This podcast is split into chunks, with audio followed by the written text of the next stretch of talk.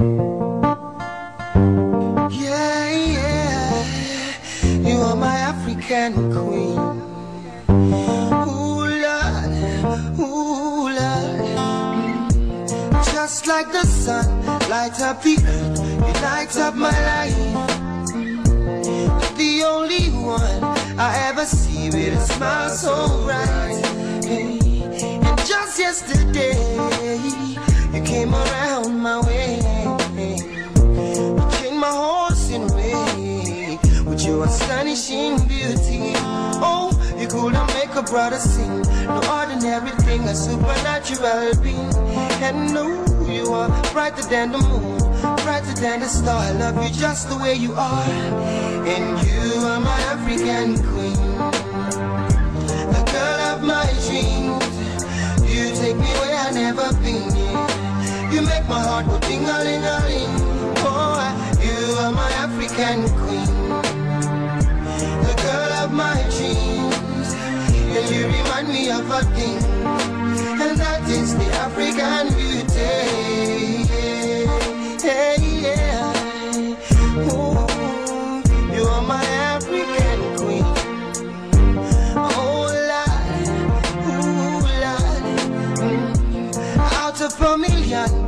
stand as one, the outstanding one. Mm. I look into your eyes, girl, what I see is paradise. Hey, you captivated my soul. Now every day I want you more. I cannot deny this feeling I'm feeling inside. Hey, no one I cannot take your place. You cannot take your space. That is a fact I cannot erase. And no, you are the one that makes me smile. Make me float like a boat upon the Nile. Girl, you are my African queen. The girl of my dreams. You take me where I've never been. You make my heart go ting a ling a ling. Yeah, you are my African queen. The girl of my dreams. And you remind me of a thing. And that is the African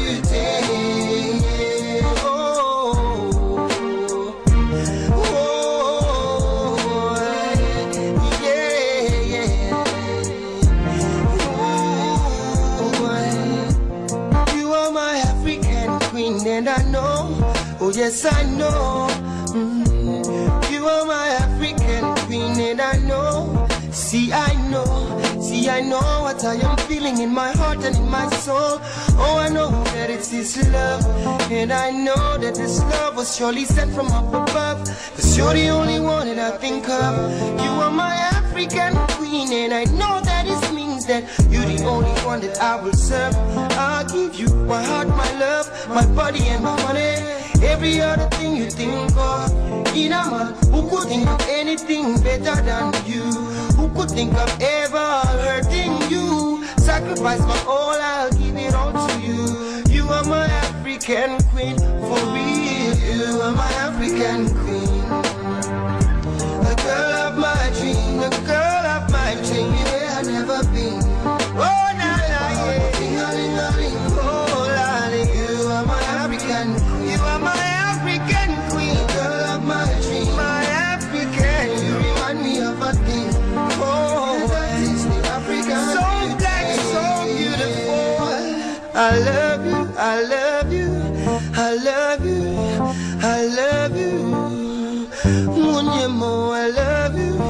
love you, I love you. Munyemo, I love you, I love you. Oh yeah, my African queen, I love you. African Queen heitir þetta lag uh, Two Face er, er flytjandi nútalust á rástöðu þetta lögatiskvöldi gestur minn Stella Samúristóttir framkvæmda stýra UN Women er, er gestur minn í kvöldu vel, velkomin Stella Takk hella fyrir. Um, ég tók eftir því á, á hérna, í tölvupústunniðinum og á, á Facebook ég, ég er svo gaman að þessum svona kynjuðu starfstillum Mm og sum, sumar konur og kallar ákveða að- að kynja að þið veitir svo kynja tungumál sem að við eigum íslenskan. Algjörlega. og sumar, sumar konur eru bara framkvæmda stjórar og vilja bara vera stjóri og svo eru það stýrur og alþingis konur og alþingis menn og, og lögmann og lögfræðingur og a- alls konar. Hva, hver er þín skoðun að þessu? Hún er kannski auðlurs það sem ég starfa náttúrulega fyrir hérna Júin Vimin á Íslandi þá verði ég nú að tilla með framkvæmda stýru Já. og þetta er svona kannski eitt af þeim orðum sem hægt er að breyta. Það er svolítið erfitt eins og með orðin eins og ráðherra, sendiherra. Já, ég veit ekki, myndum við gera sendifrú uh, ráðfrú? Þetta, það þýr þá bara algjörlega skiptum nafn til að hafa það. Já, það endur alltaf að herra, já, Já. það er rétt, einmitt. En sko framkvæmda stjóri eða stýra Já, það er það er bara, mjög gott, sko. það er, getur gefið til kynna þá hvaða kyn Já, en svo getur þetta verið flókið, þú veist hvaða kyn hvernig viltu skilgreina þig? Sumir vil ekki skilgreina sig Mm þannig að við þurfum kannski bara að finna eitthvað sem er algjörlega hlutlöst Algjörlega hlutist, já, ennskan er miklu betri í þessu Já, til dæmis. hún er það. Hún er hún hefur miklu meiri, já, hún hefur miklu meiri svona möguleika og það er stundum sem íslenskan hamlar okkur í því að það vantar svolítið orð Já. en við náttúrulega er ekkert sem segir að við getum ekki skapað þau gert Nei, mjög nák- betri. og, og íslenskan er að þróast á já, hverju degi, sko. algjörlega En hérna, uh, UN Women, þú ert framkvæmtastýra UN Women, hva, hérna, getur þú kannski bara sagt okkur áður en við byrjum á þessum allir þessari músík, svona í stuttumáli, hvað hva gerir UN Women? Fyrir þá sem að þekkja bara þetta orð og svona þekkja UN og, og það, en, en UN Women í stuttumáli. Einmitt í stuttumáli, það er hérna einmitt. Eh, Jón Vimin er einastofnun saminu þjóna sem vinnur engöngu að jafnbrettismálum og að bæta eh, líf kvenna og stúlkna um allan heim. Eh, við sagt, störfum eh, vitt og breytt um heiminn eru með verkefni í þeim löndum þar sem kannski ástand jafnbrettismála er ekki eins gott og við vildum og við viljum breyta því með tilliti til heimsmarkmiða saminuð þjóðana sem við ætlum að ná fyrir árið 2030. Eh, Þá ætlum við að vera búin að ná jafnbretti um allan heim. Þannig að við þurfum að spýta í lófana og það er það sem UN Women er að gera á heimsvísu að breyta lögum, uh, þrýsta á breytingar um lög hjá stjórnvöldum og uh, vinna með græsrótinni að því að koma þeim skilabóðum áleiðis til fólks að, hérna, að lögum hafi verið breytt, Mm að þessu meira um, fókusur á alla, að hérna, konur sé ekki undan skildar í neinu eða það sé verið að um, um, segir, setja þær einhvern veginn út í hotn og þetta er markmið stopnunar og við vinnum sagt líka, stærsta verkefni Jón Vimmin er að berjast gegn gegn konum sem er náttúrulega bara heims faraldur -hmm. eina hverjum þremur konum í heiminum verður fyrir ofbeldi.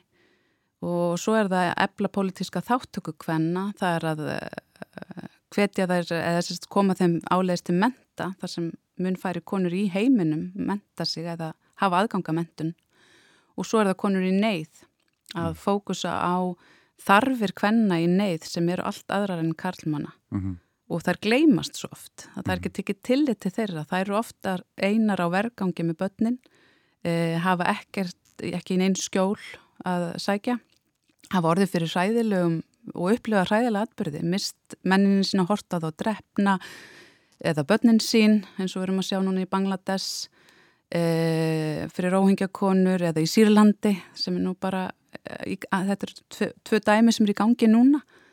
Og þannig við þurfum svona að horfa til þess hvernig við komum til mótsveið konur sem eru oft á tíðum einar á vergangi með börnin sín og hérna haldu utanum þær. Og núna til dæmis eh, erum við að fara á stað með verkefni sem við viljum kynna fyrir Íslendingum sem hafa stutt vel við bakið á Júanvimmen til margra ára. Og við erum að fagna 30 ára ammali ár og þess vegna viljum við kynna fyrir íslensku þjóðinni e, verkefni okkar í Malawi sem fókus á það að eh, uppræta þvingu barnahjónabönd. -hmm.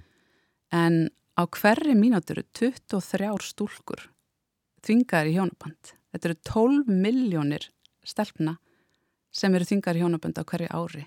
Og þetta eru svo stórar tölur að uh, já, ma mann skortur orð til þess að ná utanum þetta og fyrir okkur hérna á Íslandi þá virkar þetta mjög fjarlægt en þetta skiptur okkur samt svo miklu máli þannig að við viljum kynna fyrir íslensku þjóð hvað Júin Vimmin er að gera í Malawi til þess að uppræta þvingu hjónabönd og ætlum að sína þátt hérna á RÚF 1. november eh, sem verið í beitni útsendingu, fræðislu og söfnuna þáttur og hvetum við þetta alla til að horfa á. Þetta verið mjög áhugavert prógram en, eh, og til að létta upp þetta svona þunga efni sem við erum með að þá munum við líka e, verið með skemmtileg innslög, viðtöl við fólk sem hefur þekking á þessum málu af flokki, e, tónlistaratriði og, og skemmtilegar uppákomur. Þannig mm. hvet alla til að fylgjast með 1. november kl. 19.45. Glæslegt, þá erum við komið þessu til. Nú er á músíkin. Já. Herri, ég sendi þið 20 spurningar. Já. Og, og það er komið 20 lög. Alls konar músík. Já. Uh, mikið íslensi ég. Já. Sem er gott. Mhm. Mm Þannig, og notar og hlustar mikið á músík. Er tónlist svona stór hluti af þínu lífi? Já, tónlist hefur alltaf verið stór hluti af mínu lífi og ég tengi svo stert eh, við svona ákveðin tímabili í mínu lífi út frá tónlist. Ég get mhm. stundum munið ef ég heyri eitthvað lag, það bara, já þetta var 1993 þegar ég var að gera þetta og þetta. Já, þú mannst þetta. Ég mann svona. Já, já, já. En samt er ég ræðilega að munna lög og, og sko nöfn, ég er ofta við manni minn bara, æ, nennar spila lægana sem ég finnst svo frábært þarna, æ, þú veist þarna ég man ekki hvað hann heitir eða hún en, hún þarna. Já, og hann alltaf bara, uh, nei, ég veit ekki alveg hvað er að tala um. Þannig að þú veist, ég þurfti alveg að leggjast vel yfir þetta og bara, nú þarf ég bara að muna. En þú veist, ég fíla svona eða alla tónlist, myndi ég segja. Mm -hmm. nema kannski country, ég held ég verði eða þó ég hef nú búið í Söðuríkjum bandaríkjana Já, þú steimlarið út þar. Ég er eiginlega ekki að ná því alveg. En hérna allt annað. Veist, og, og svo kannski að ég hef búið svo mikið erlendis í mörg ár, þá hef ég svolítið, sko, ég var á Ítali, þá er svolítið komin ítalska tónlist, Malawi, Afríku í mörg ár, mm -hmm. það var afríska tónlistin og reggi og svona skemmtilegt. Bandaríkjanum, þú veist, ég bjóð náttúrulega í New Orleans, þannig að þá var ég í hérna, jazzinum. Já, já, já. Þannig ég er búin að fara svona, já, og svo hefur ég nakki líka hérna, árum áður, svona nakkatónlist, þú veist, og Íslensk tón, já, já, já, já, og svo náttúrulega bara íslensku hljómsettin þegar ég var aðalast upp, það var svo mikið af svona sterkum böndum þá svona en svo þegar ég var að skoða þetta líka þá sá ég að þetta var mjög kallagt að mm. ég horfi alltaf með þessum augum og hugsaði líka til þess að það var svo lítið á svona sterkum kvennaböndum mm -hmm. á mhm. þessum tíma þegar ég er aðalast upp já. þetta eru allt, það er eiginlega fyrsta bandið er sko uh, hún hérna Britney Spears sem mm. kemur svona sem svona sterk eh, Spæskuls Spæskuls og já, já einmitt og Björk Já Þú veist, þetta var svona, en svona, svona eh, Heilt yfir, sko Heilt já, yfir, já, það er ekki Það er voru, voru og eru Já, algjörlega En, en það, er, það eru mikla breytingar mjög hratt Rósalega, það var svo gaman að sjá það Ungmennaráðið okkar hjá Jón Vimmin held að mitt frábæra tónleika núni í vetur mm. þar sem að voru að horfa á íslenskar eh, hérna, konur og Já. ungar konur Nákvæmlega. og þetta var alveg fjöldin allir af flottum hérna, sem komið fram mm -hmm. Þannig að þetta er svo mikið breytt en, og maður er svo festist svo í þessu, maður fattar þetta ekki fyrir maður horfið tilbaka svona, já, vá þú veist, þetta er allt, allar mínar uppahalds eru eða kallmenn, sko, mm -hmm. ekki að það sé eitthvað að því skiluru, en það er bara, þú veist þú finnst það að maður hugsa um það, þetta var bara kultúrin líka, það voru Ég held að það verið sko áður, 60 eitthvað, 70 eitthvað varum miklu sterkar svo þetta er einhvern veginn niður svolítið. Mm -hmm. uh, já, ég veit ekki hvort það er svona, já, það er bara gaman að spá í þetta. Nákvæmlega. Þú vildi byrja á, á þessu lagi hérna African Queen. Já. Er þetta frá því bjóst í Afriku? Já. Hlustaður á þetta þá? Hvar, hvar varst í Afriku? Ég var í Malawi já. og bjóð þar í fimm ár. Fimm ár, já. já. Wow. Þannig að það var svona stór og langu tíma af eh, mínum fullonins árum sagt, þannig er ég bara um þrítugt og hérna fyrir 28 ára því ég fer þarna út og þegar flestir eru svona að koma sér fyrir hérna á Íslandi og þá var ég þarna. Þannig að þetta hefur litað mjög mikið mitt líf mm. og Afríka er sko jafnfölbrutileg og hún er stór. En það er bara eitthvað, ég ferðast mikið þarna en ég, maður fær Afríku bara í blóðið. Bara, og þetta var svona lag sem tengið mig við vini mína og sem ég egnaðist þarna úti og við dönsuðum við þetta lag og þetta var svona skemmtilegt ég nefnilega fann ekki annar lag sem svona, var mjög gott líka en mér fannst þetta alveg ekki síður og svo var þetta spilað sko í, því ég gifti mig á hérna dansskólunu þú veist þannig að ég ekki tengt þetta líka við manni minn mm -hmm. og hérna nei, mér finnst þetta bara skemmtilegt lag, African Queen Nú ætla að fara í öskuna Já. Fyrsta lagi svona var spann og mannst eftir að hafa hlusta mikið á. Já, ég var um að ræða þetta hennar mömmu og Já, þú bara hringdir í vinni og fjölskyldu. já, ég varð að gera það. Ég var að rifja upp, ég er svo rosalega eitthvað, uh, já, ég, stundum man ekki neitt, sko, ég veit ekki, ég segja bara maður sé svona offlaðin með lítil börn og svona þú kannast kannski við þetta, maður er stundum svolítið tættur. Já. Og það er svona hjálpið að rifja upp og þannig að, en ég vissi svo sem að þess, ég var búin að heyra, það er oft búið að gera grína þessu, að því ég hlustaði svo mikið á kartum um bæinn. Hérna- sem frábær, Já. frábær plata. Já, og þetta var bara platan og ég var með hulstrið sko og lá undir sófaborði Já. og þetta var bara, mamma sagði áður en sko platan var búin þá var ég fann að kalla Þú snúa við, þú veist Þannig að, þá voru keft sko hernatól Einmitt. Og varstu með einhverja rosa bauka. Já, þetta voru svona, ég man enda eftir svona pæjonýr svona alveg stóri sko Þú valla helst þeim. Já.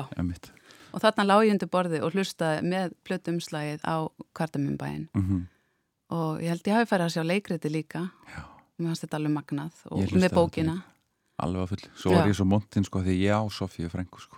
Já, einmitt Það. Já, það passaði vel inn í þetta. Já. Og gaman að sjá, sko, já, ég var þryggjaði fjögur ára eða eitthvað svo leiðis og, og dæti mínir er á þessum aldrei líka, þannig ég var um að sjá að þá fara að sína þetta aftur, þannig að nú var ég að fara að hlusta á þetta með þeim, sko. Mhm. Endur vikja þetta. Já. Þú valdir hérna einmitt Sofíu Frængu. Mm. Já, Vísur Sofíu Frængu. Já. Stutt og lagut. já, Já, pussu sveia, pussu sveia, dilli skremja sorg Það kveður líkt að körlum hér í kardimommu borg En væru allir eins og ég, þá yrði betra hér Þó virðist ekki lífnum ljúf að læra neitt af mér Sjá bæjarfókiðin Bastían, hann brosir öllum við. Þó hæði varla herra þeim að hafa slíkan sín Svo kempa skala virðingandi vanda hvergi rög Og taka höndum hverðan mann sem hefur brotið lög. Við unglingana okkar mætti ekki spara vönd Með illa tvegin andlitinn og undir nöglum rann Hér blóssigurinn breyðja þeir og barna leiki þrá Ef vætti ég þá ungu menn Þeir aða skildu fá Já, svona nú þetta kvæði Huh. Eh. Sofía Frænka var og er svo stórkostlega típa. Það var æðisleg. klikkar ekki, sko. Ég var, var að skoða aðeins hérna á, á safninu. Ég hérna, finnst þetta svo, svo flott rödd í þessari leikonu sem að syngur þetta hún, og, hérna, hún heitir sér að hétt Emilia Jónasdóttir og, og, og söng þetta og leik Sofíu Frænku í Kardimónubænum eftir Þorbjörn Dagnir og Hulda Valdísdóttir sem að þýtti þetta Flott. Já. Hvenna temi? Já, heldur betur. Þá erum við búin að koma því frá og, og nú langar við að fara heim og hlusta kartumúlbæði. Ég kunni þetta ennþá, sko. Já, Einhvern veginn svona, þetta var hana. Einmitt. Mjög skemmtilegt. Herru Stella, fyrstu tónleikandi sem þú fórst á. Já, þetta var einmitt eitthvað sem ég þurfti að rifja upp og ég var svona um, sko ég held að fyrstu tónleikarnir hafi verið svona meira böll í grunnskóla kvassalitiskóla sem ég var í, Í kvassalitiskóla uh, sem heitir núna háalitiskóli og þá man ég eftir sko bubba og langasel og skuggonum og eitthvað svona sem komi á ballið. Mm þannig ég vildi ekki tella það sem tónleika. Þannig að ég valdi sko um, þetta voru þungarakst tónleikar Brjótum ísinn, já, hétt þetta. Þarna var ég. já, er það? Já, ég, ég er fættur upp alveg í Hafnafriði og, og, og mér langaði svo að fara að sjá þetta. Ég var 11 ára, 10 Já. ára einmitt, og hérna e, og augljóslega mátti ekki fara. nei, nei Þannig að ég, F-fáingarnir voru hann með svæðið og voru auðvitað eftir sjálfbáðaliðun til þess að týna rusl. þú fórst í það Fyrstur í röðina, sko. Ég týndi ekki mikið rusl, nei, sko. þetta voru rosalega tónleikar Já. þetta er náttúrulega já, svona stæstu bara tónleikar sem hefur verið haldnir á þessum tíma. Já. ég held að það voru mörg þúsund manns og þetta átti náttúrulega að vera allar sleggjur þungaroksins en ég man að Poison forfallaðist. Já, já, já. og puttabrotin þetta var rosalegt. Rosalegt högg. En þarna voru Slaughter, Thunder uh, og Choir Boys Já, og Bubbi og Rúnar, já, já, GCD. Þeir voru að koma framhald í fyrsta sinn. Já, ég man eftir þeim tónleikum. Já, ég man líka eftir þeim og það, ég man mína næstum því tróðst þarna undir að reyna að vera fremst. Þú veist, þarna er ég bara, já, 15 ára eða eitthvað. En þetta, ég man bara eftir þetta var indislegu dagur þetta náttúrulega bara að byrjaði tíu morgunni eitthvað Mhm. var fram á, til miðnættis. Þetta var ótrúlegt. Var ekki gaman? þetta var æði. Já. og þarna sá ég náttúrulega Choir Boys. Já, Þetta náttúrulega sko var rosalett hvað sem var, one hit wonder band Já, eða eitt geisladiskur og, og svo ekki söguna meir. Nei, en og sko ég man eftir því að þeir voru hérna á landi og við vinkonurna fórum saman neyri kringlu að fá einhandar áriðin já, voru þeir þar? Já, já, já, Já, að, að, eða bara hongað að gefa Nei, gefa- voru að gefa sko, þið voru já. fyrir utan skífuna eða eitthvað svona. Já, og við byggðum í röð sem lág í gegnum alla kringluna. Allir mjög hárfærir. Já, já, mjög sko og svolítið svona sjúskaðir eins og tíðkast fyrir þessa þungar okkara. Og hérna og ég, það er svo fyndið að því ég var að flytja að þá fann ég eiginhandar áriðin um daginn, ég er búin að geima hana.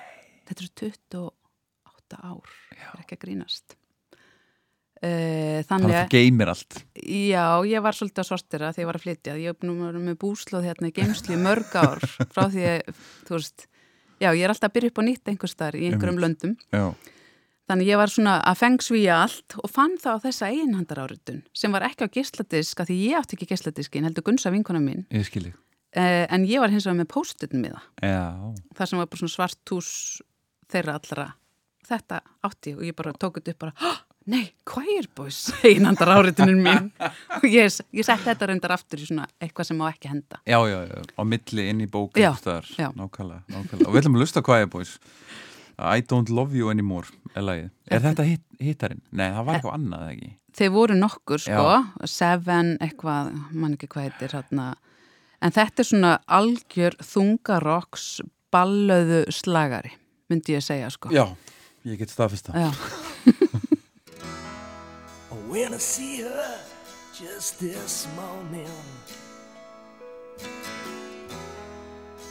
To see how the child might be. She sat there smoking all my cigarettes At a table set for three could have cried, I could have cried when she said, oh, I don't love you anymore. I was slain and shown the door. Ain't a room here anymore. Please don't look to me for help. All the pain is with yourself. All the blame is with yourself. So I went to see my friends. I try to turn to them for help. But all that any of them said You gotta look out for yourself. I could have cried, I could have cried. And she said, I don't love you anymore. I was slain and shown the door. Ain't no room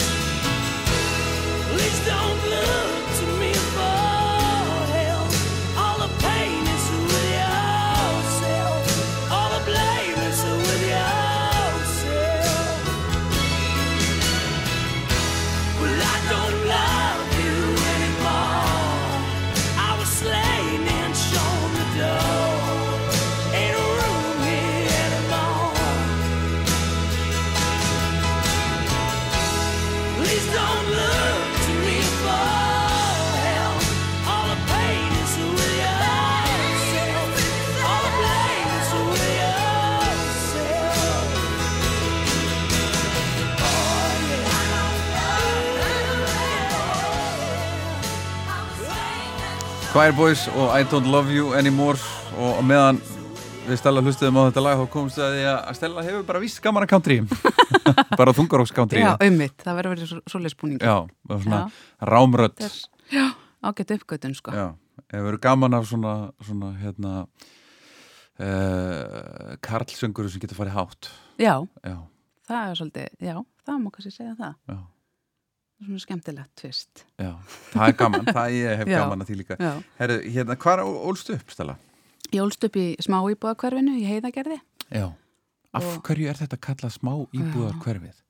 Sko ég held að þessi tengt því að það, eh, þegar það byggist upp þá var þetta svona mjög fjölbreytt hverfið. Það var frá blokkum, í raðhús, í svona lítil einbýlishús. Þau eru svolítið svona, Já, svona dálítið bresku, svona, á, svona tve- tveim, já, tveim tveimur, þreimur hæðum, undir rissi. Já. Þannig að, já, ég held að þessi tengt því að hérna, allt þetta hverfið hérna í, í kringum sagt, frá Háldsbraut að lengri en grensásvegurinn og alveg þarna yfir Já, er þannig uppbyggður. Þannig að það er svona fjölbreytt já.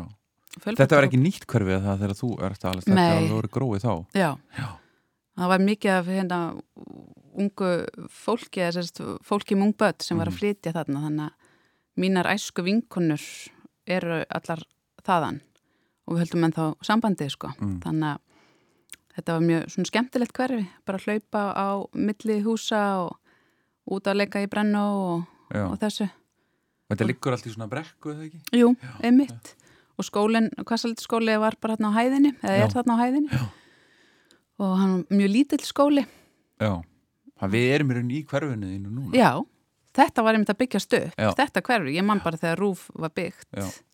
Þá var þetta bara grunnar hérna og borgarleikhúsið og Mhm. allt þetta. Við vorum að leika, það voru hestarinn út í haga þessum borgarleikhúsið og kringlanir. Já, einmitt Við hjólum þarna í einhverjum sko drullupollum og leika okkur í stillösum og Já Og kringlan væntalega bara verið í Já. félagsmiðstu þegar hún kom Já, einmitt.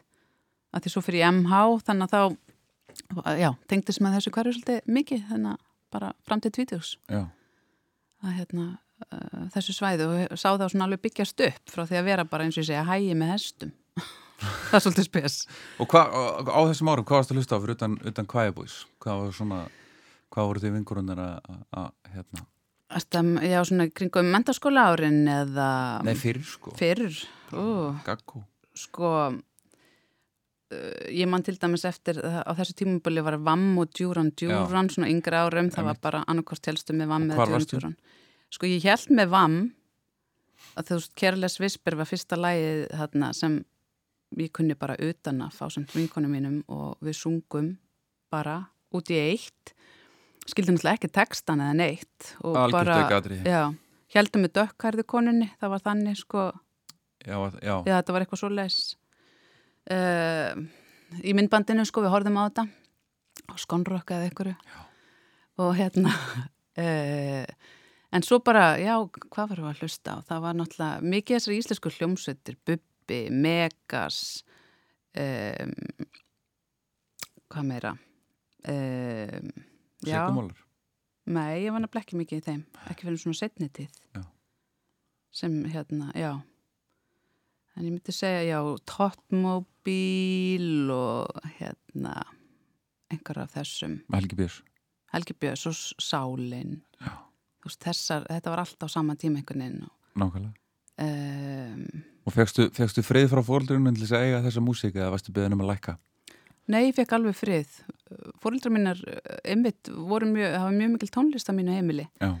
Þannig að hérna, þau uh, pikkuðu þetta upp og ég náttúrulega á eldri systur líka. Þannig að þú fóst í blötusefni hennar. Já, Já. tvær eldri systur og þær hlustuðu mikið, þú veist, þær voru, er talsast eldri, þannig að þær voru alveg svona kynslan undan diskóin og því, þannig ég Já, man já, alltaf já. eftir öllu þessu bara, þú veist. Úr herbyggjuna þeirra. Já, já, ég man líka sérstaklega eftir Queen, Já. það var alveg bara mjög mikið og já, diskóið og já, þannig að þetta var bara svolítið á Já. í húsinu. En fóreldrænir, á hvað voru þau að hlusta? Já, það var mikið klassisk tónlist sem hérna mamma og pappi hlustuð á og hérna pappi var sérstaklega óperu unnandi, þannig að það var mikið svoleiðs tónlist. Um, og Wagner var í miklu uppaldi á pappa minnum uh, en mamma var svona meira í poppinu. Já, þeir voru samt svona smituðust frá okkur, ég man til dæmis að pappi minn sem er látin, hann hérna hann elskaði Sigurós, þú veist ég get alveg, hann hlustaði alveg þegar við vorum að hlusta Já. bara, vá, þetta er flott tónlist. Þannig að það var ótrúlega gaman. En hérna en mamma var meira svona í poppinu og hlustaði á Queen, fannst það frábært og, en ég man alltaf eftir að mamma hlustaði á Willi Nelson. Já, það Þannig- fannst þér ekki gott. Þú veist ekki bara, þarna kemur country Já, svona, já, já. Þetta er, ég veit ekki hvað það er en hérna, þetta er ótrúlega fyndið og hérna, og einhvern grískan sem var mjög vinsæll og einhvern sænskan að þau bjúk, um, en sko mamma náttúrulega elskar Rod Stewart. Já, hver gerir það já, og við erum sko að fara mæðgurnar og mákona mín. Á dö- Já, á Roddarann, Nei. ég er ekki að grínast. Í desember, Vá, þannig að hérna þetta er búið að vera draumurinn að mömmu lengi þannig að við ákvaðum bara að skella okkur og við erum bara fremsta bekk sko. Gekkja. Þannig að við erum bara að sjá ædólið Nærbúsir í töskuna. Já, já, þetta er bara svo les og hérna, þú veist þegar við erum upp í sumabústa þá er mamma alltaf svona býð eftir að fá að setja rotta fónin sko, Já, svo segjum við alltaf svona sískinin og bara, mamma það er alltaf að máttalega setja rottuna er það, er, er þið tilbúin? Alveg bara svo byrjum við. Þetta er bara, já, ótrúlega gaman ég tengi stert við Rott Stjúart við mömmu en við pappa sko þá man ég alltaf eftir því að hann kom inn svona heim, hann keirði mikið út af vinninu sinni. Hvað var hann, hvað gerði hann? hann vann hjá Slátufélagi Suðurlands og sá um allar byggingar og þess aftar þannig að hann var ofta að keira á Selfoss út af sláturhúsunum þar og svona og svo kom hann heim einhvern tíman og sagði já ég var að hlusta rúf og það var verið að kynna þessa frábæru afrísku söngkonu hann að Cesari Evora. Þetta er einhver mögnu konu, við erum að kaupa diskin Já. og þetta er bara sko 90 og eitthvað. Hún kom svo að lista á því Já, þá var ég nefnilega ekki á landinu, ég misti af henni. Og hérna uh, þannig þannig kynntist ég henni og hún hefur fyllt mér rúslega mikið, ég hef alltaf hlustað á henni elskana, bara þess- þessi söngur, ég hef heyrt mikið á sögum um hana, því að hún alltaf er frá grænhöfðægjum og ég starfaði í Malawi fyrir íslensku stjórnvöld og fyrstu verkefni íslenska stjórnvölda í þróunarsamfunnu voru í, á grænhöfðægjum Þannig að það voru margir Íslendingar sem þekktu Cesari Já, já, og já sögðu sögur af henni. Múkisson ólst þetta upp. Já, Einmitt. Já. Og hérna, hvernig hún var plötið öll partí með eina viskiflösku Já. og, og svo kom hún bara berfætt og söng. Og svo þegar ég bjóð í New York, ætlaði ég að fara að sjá hann í Carnegie Hall. Það er 2011. En þá veikist hún og bara deyr stuttu setna þannig að hérna, tónleikunum var frestað. Mhm. Það er þess að og varð aldrei. Þannig ég mista að sjá hann á sviði. Já, og hvort viltu nú heyra Cesare Voru eða Rottarann?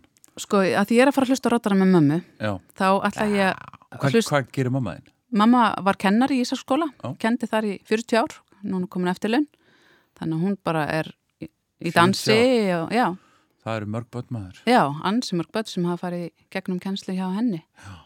og hérna, Það nú er hún bara að njóta. nú er hún bara að njóta og ætlar að fara með okkur uh, dæturum sínum og, og hérna, tengdadóttur á Rod Stewart tónleika.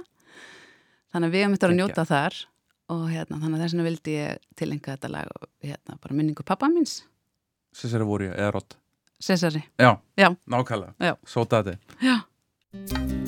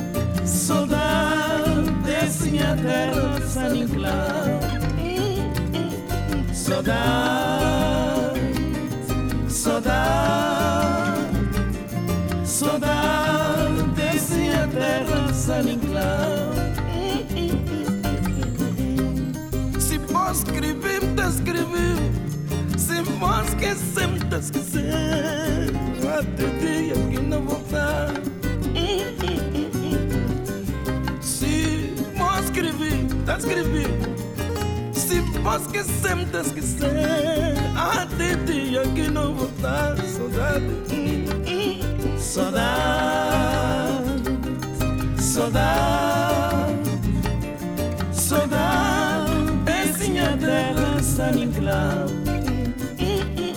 Saudade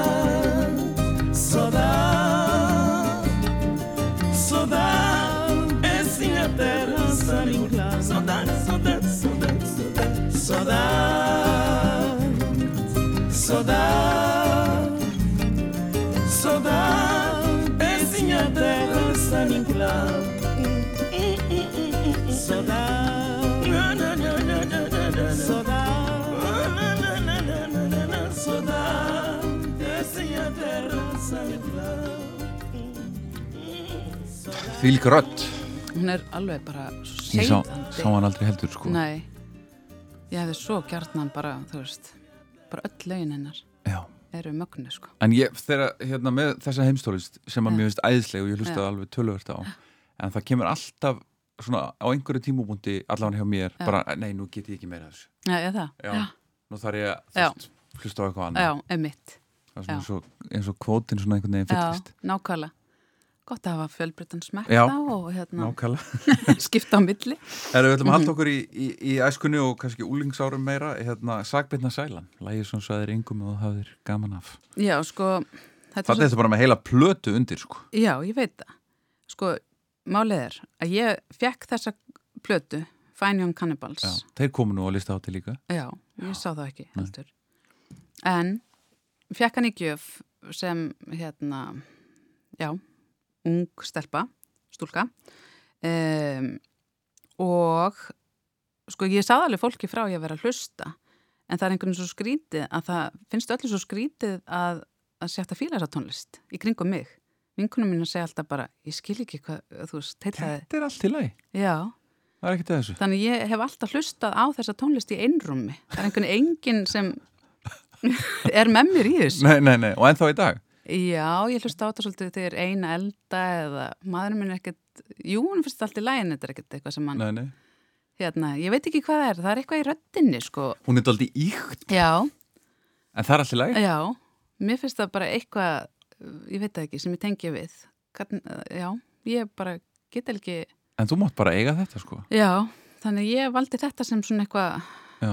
sem ég fer alltaf svona í flæmingi bara, þú veist, bara, já, þú og fænjum kannibals, ég bara, þú veist, það er enginn skilið það ég fekk þetta samt í ammæliskjöf og hérna, Og máttur ekki hlusta á þetta þegar því vinkonuna voru að hitta. það er alltaf- við dræmar undirtektir, sko Já, það er vond, sko. já, það er svolítið ítt manni út í hot, sko þetta er rosalegt Skammist eitthvað þú valdir I'm not the man I used to be. já, Fine Young Camels. Að þessari plötu The Raw and the Cooked. já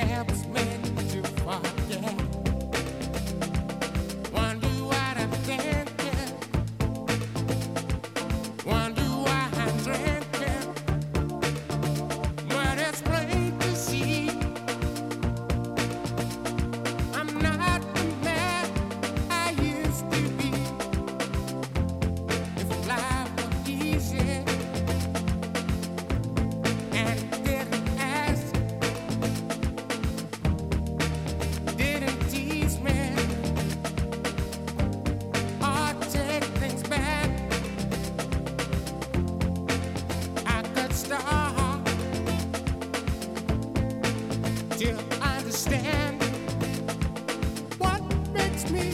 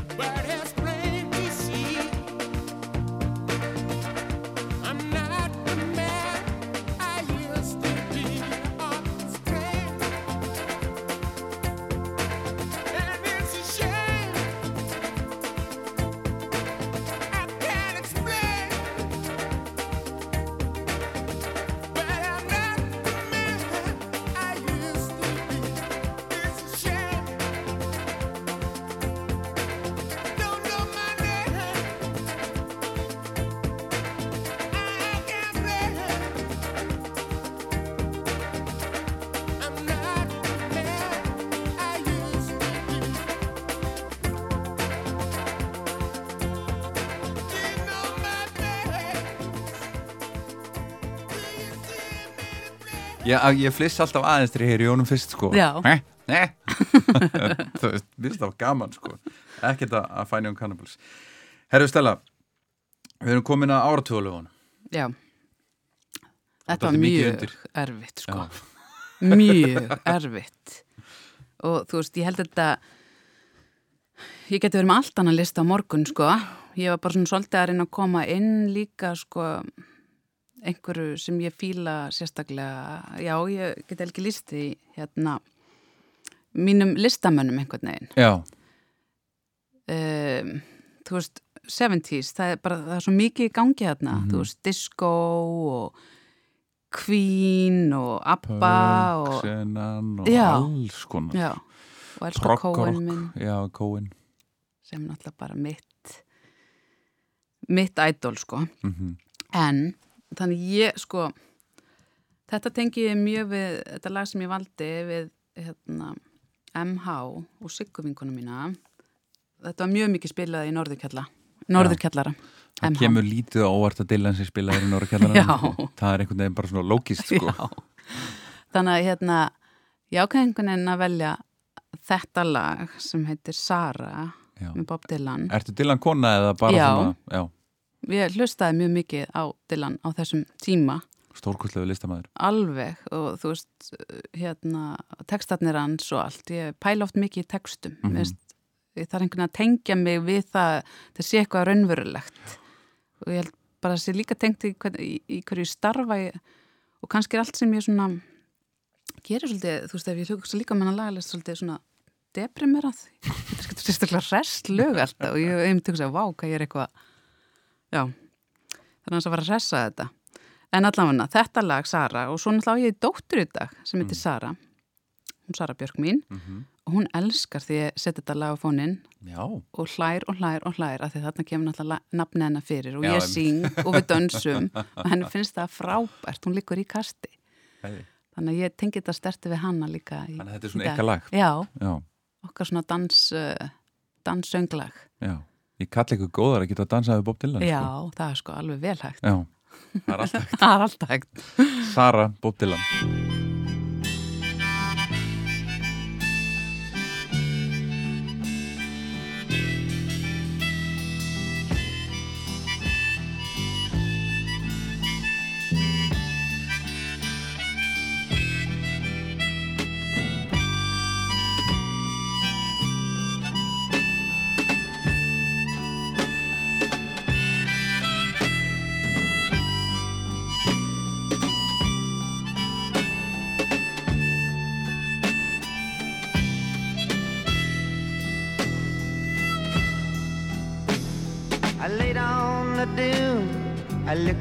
the sky when the children were babies. I played on the beach. You came up behind me. I saw you go by. You were always so close, still within reach. Sarah, Sarah, whatever made you wanna change your mind? Sarah, Sarah, so so hard to define. I can still see them playing with their pails in the sand. They run to the water, their buckets to fill. I can still see the shells falling out of their hands as they follow each other back up the hill.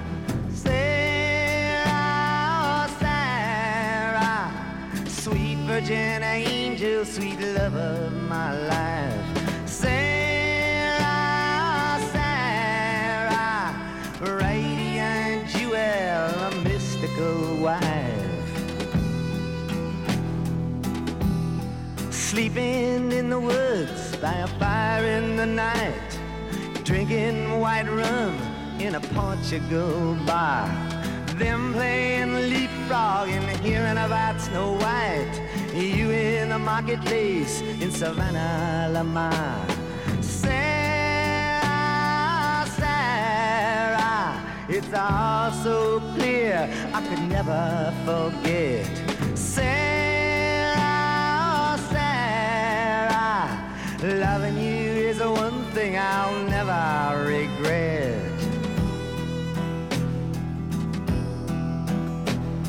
Can still hear the sounds of those Methodist bells. I'd taken the cure and it just gotten through. Staying up for days in the Chelsea Hotel, writing sad-eyed lady of the lowlands for you. Sarah, Sarah, wherever we travel, we're never apart.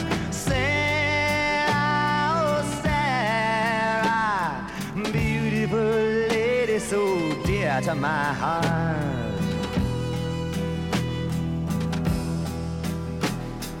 How did I meet you?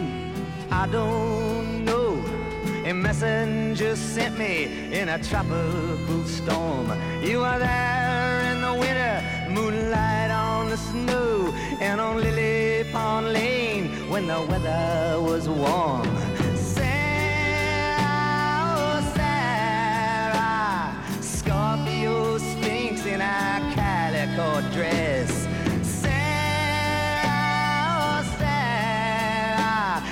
Must forgive me my unworthiness. Now the beach is deserted except for some kelp and a piece of an old ship that lies on the shore. You always responded when I needed your help. You gave me a map and a key to your door.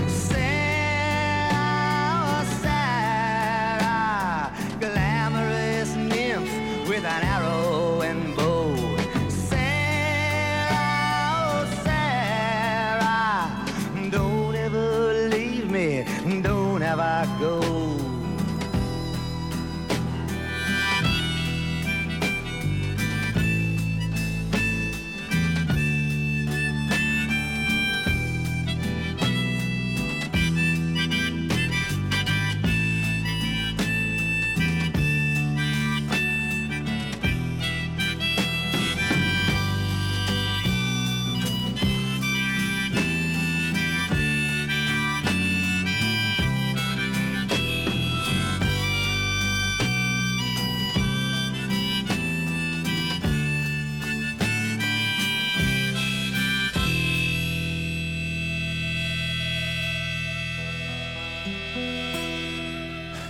Særa Bóttilan, gestur minn í kvöld hér á Róstöðs, Stella Samuelsdóttir, frangandistýra Júen Vimmin á Íslandu og takk fyrir að minnum að þetta lag. Ég hef ekki búin að heyra þetta í mörg ár. Já, þetta er bara geggjað. Þetta er bara lifir endalust og er, já, Já. bara alltaf hægt að hlusta á þetta. Ég var að lesa eins um þetta laga því að þetta er hérna uh, þetta er mjög áhugaverð dilanlag fyrir marga segir. Þetta er á Desire-plötunni Mhm.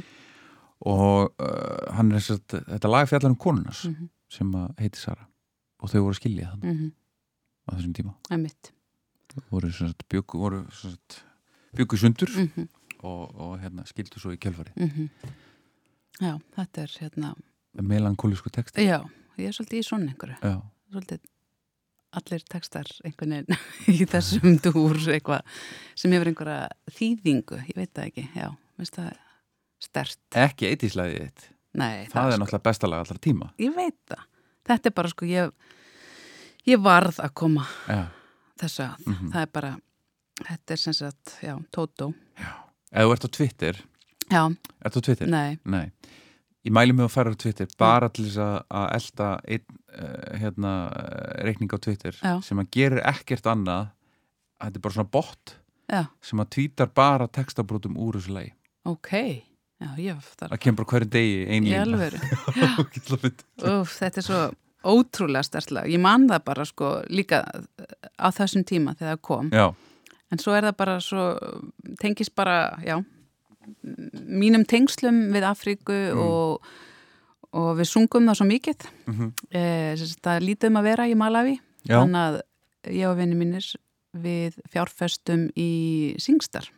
já. Já, Er þetta lag þar? þetta lag er þar. Já, þetta er fá musikstar Þú veist, þetta er bara, þetta er geggjað. Þannig ég bara söng þetta mjög mikið. Og hérna, þú veist þó að 80s, það náttúrulega er Vammu og Djúran Djúran eins og rættum áðan, það er Madonna, eh, þú veist, alls konar svona stórir, eh, stóra kanonur og Queen en þá og ég var aldrei Michael Jackson fan fór aldrei í það.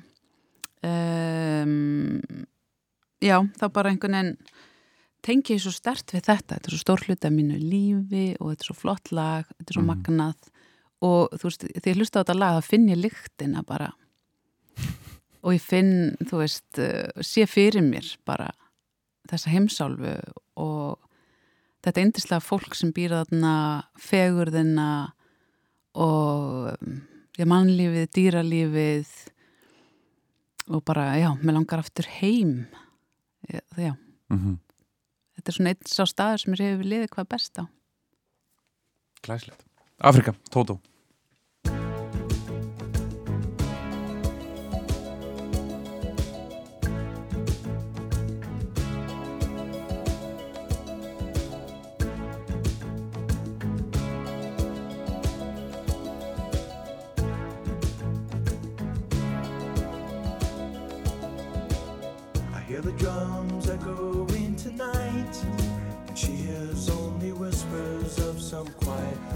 conversation. She's coming in 12:30 flight. The moonlit wings reflect the stars that guide me towards salvation. I stopped an old man along the way hoping to find some old forgotten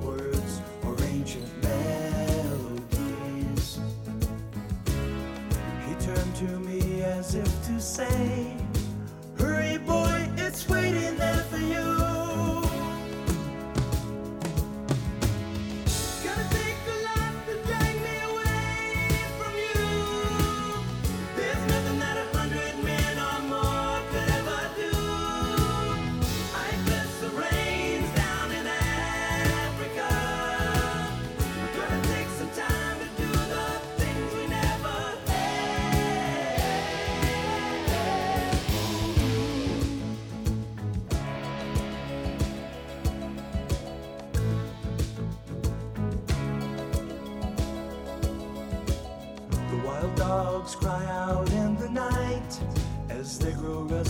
longing for some solitary company. I know that I must do what's right, sure as Kilimanjaro rises like Olympus above the Serengeti. I seek to cure what's deep inside, frightened of this thing that I've become.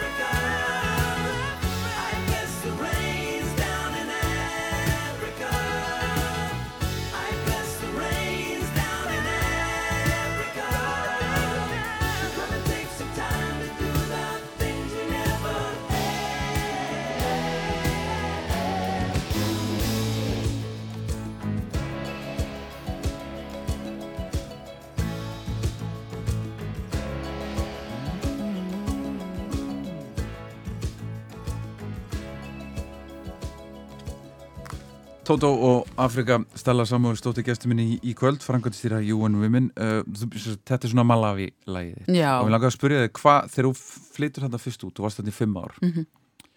uh, kannski uh, þú veist, vissir alveg hvað varst að fara að gera hvað, hvað varst að gera það núti? Já, ég var að uh, starfaði fyrir Íslensk stjórnvöld í þróunarsaminu. Stofnin hétt þá þróunarsaminu stofnin Íslands Mhm. sem heyrir undir, uh, he- heyrði undir utarríkisaðnitið núna til Til eða þjált Já, þetta er svo þjált. Uh, þannig að ég var í uh, svona félagslegum verkefnum. Mhm. Það var hérna fullorðinsfræsla fyrir uh, fólk hérna í Mangótsi hér aði og svo vorum við að byggja barnaskóla Mhm. þannig og svo náttúrulega jafnbryttismálum voru sterk þarna líka Mhm. eins og íslensk stjórnvöld e, hafa það að leiða ljósi að fókus á jafnbryttismál í öllu sínu starfi þannig að ég sem sagt var nýjút skrifið úr námi þannig ég vissi svona já, nokkurn veginn hvað ég væri að fara út, út í og þetta var minn draumur að starfa þessum vettfangi en maður getur aldrei undirbúið sundið það samt. Nei, ég ætla að mynda að spyrja hvað var svona mesta kultúrsjokkið við að koma þarna, fyrstu dagina Um, ég veit ekki, mér leið strax ótrúlega vel. Þetta var þetta framandi upphafi og þú ert búin að lesa og sjá myndir en og í alls konar sprautur og, já, já, allt þetta. En bara fólkið, indislegt fólk og, og fallett land og auðvitað var erfitt að sjá þessa miklu fátækt og, Mhm. og sjá hvað eh, við búum í allt öðrum raunveruleika og en, en samt líka gera sér grein fyrir því að það við höfum líka verið þarna og það er ekkert svo langt síðan Ísland var þarna Nei. spegla sig og, og sitt líf, ég menna ef ég hugsa tilbaka þá voru amma mín og afi e, sem lifðu svona tíman að tvenna að upplifa kannski mikla fátakt í, í kofum hérna, torfbæjum á Íslandi. Í það að sjá Ísland breytast í hérna eitthvað miklu stærra og, hérna stærra samfélag. Og kannski líka hvað hérna, ég mann mentun skipti miklu máli. Þú veist, þegar Ísland fekk svona tólin og fjármögnin til þess að, fara áfram þá höfðu við kannski það frammi við Malawi til dæmis að það voru allir sem kunna að lesa og skrifa bara út af húslestri og þess áttar þannig að umskiptin urði einhvern veginn uh, snegri Mhm. en það er rosalega erfitt þú veist í landi þar sem fólk hefur ekki mentun og tækifæri til að nýta mentunina og hérna já, þa- þetta er uh, ótrúlega magnað að hérna, upplifa svona allt öðru í sig aðstæður en þú kemur úr Mhm. og gerir mann þakklátari fyrir það sem maður hefur en hérna en samt þegar maður hefur alist upp í þenn raunveruleika sem við búum við þá er náttúrulega samt, getur maður aldrei samsama sig 100% Nei, nei, það er ekki hægt en maður getur uh, tengt eins vel og maður getur og Mhm. hérna og sínt uh, samhug Mhm. með fólki. Nákvæmlega. 90s 90s Einmitt, þarna sko, það er náttúrulega bara eitt sem ég varð að koma að. Já. það er náttúrulega bara YouTube. Mm ég bara, Þú náttúrulega að fara í heima borgina þú voru að fara á barið þeirra. Já. Það er bar hann í Dublin, sko. Einmitt, maður minn var einmitt í Dublin síðustu jól og sagðist það að fara á þann bar, ég verði að gera það. Já, en ég hef náttúrulega farið á YouTube tónleika Já Já, það er já. bara eins og að fara í messu eða ekki það var rosalegt, það var 2009 þegar ég var nýflutt heim frá Malawi Já. og hérna í París, nýbúin að kynast manninu mínum.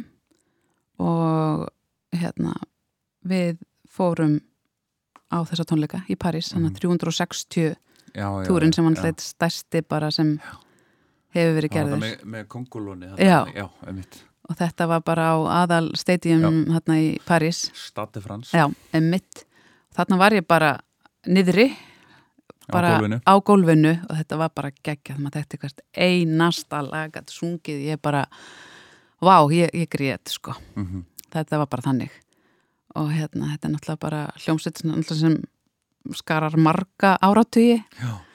en ég hérna já, þarna er ég bara 90, þú veist, það var Actung Baby sem ég kannski tengi Já. svona sérstaklega við Eh, Stórkostlega blata Hún er bara geggjöð, það eru bara öll lögin mm. flott mm. veist, þetta er bara magnað og auðvelt eh, veist, að velja hvaða lagirunni en hérna já, ég hérna varða að koma þessu lagi að One, One. YouTube já.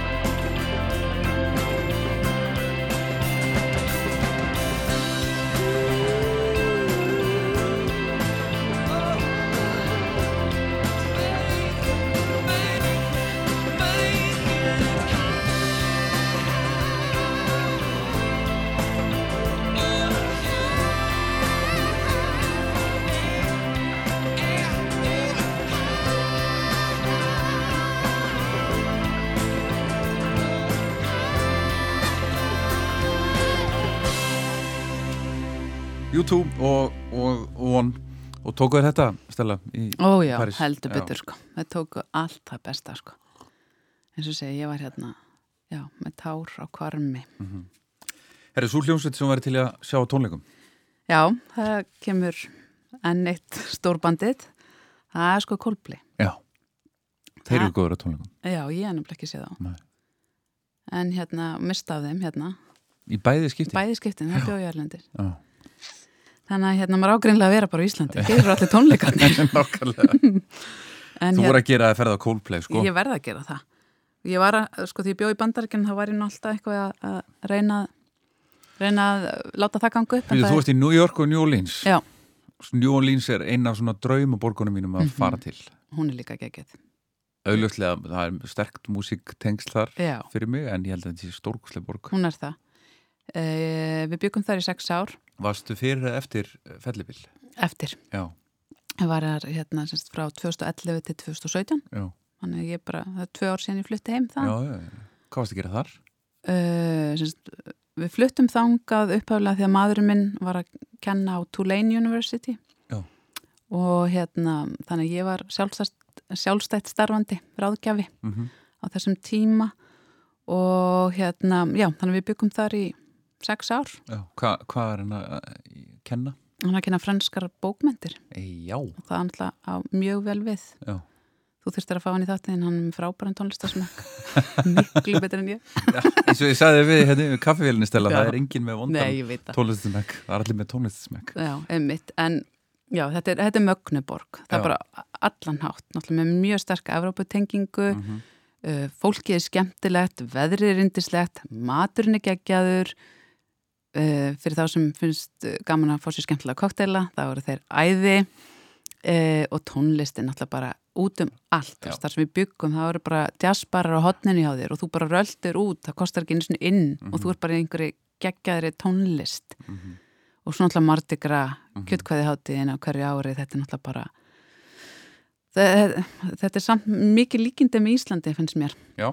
Þeim finnst mjög gaman að skemmta sér Já. og hérna tónlistafólk og um, já, það er bara ímislegt sko, en Og það er franska tölu þarna í einhverjum, já, kreól, Já. sem sagt svona já, svona blanda frönsku, já að fransku og hvað spænsku þá eða hvað, eða, sko kreól er svona einhver, einhvers konar e- frönsku líki já, já, sem er hérna ennþá tölu þarna í Louisiana já, fylkinu og hérna það er náttúrulega svo mikil afrísk áhrif þarna líka, þeir tala oft um New Orleans sem svona e, nyrsta hluta karabíska hafsins.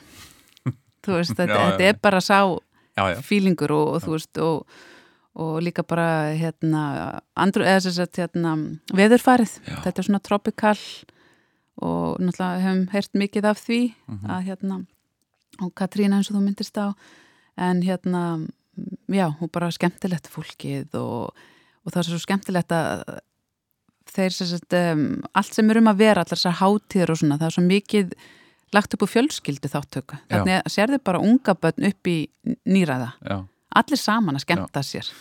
Og ekkert vesen, þú veist, og það bara sitja allir á grasin og hlusta á góða tónlist eða, og alltaf svo fjölbreytt tónlist það er ekki bara jazz, það er, þú veist allt spektrumið þarna.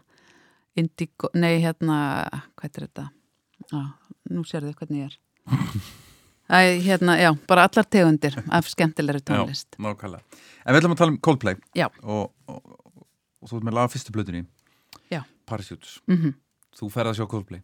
Ég verð að gera það, sko. Já, Þetta er bara, þú veist, þetta er eiginlega, já, fyrsta platan er myndið kringum 2000, er það ekki? jú, 2000 Já, 2000, einmitt og ég bara, já, tengi stert við þess og þeir hafa svona fyllt mér allan tíð. það er komin í plata nú í nómur Já, þannig að það er tónleika fara næsta rödd og Nó, rottar hann í desember og á næsta ári. Þetta er gott plan. Troubles. Eða Trouble réttar sagt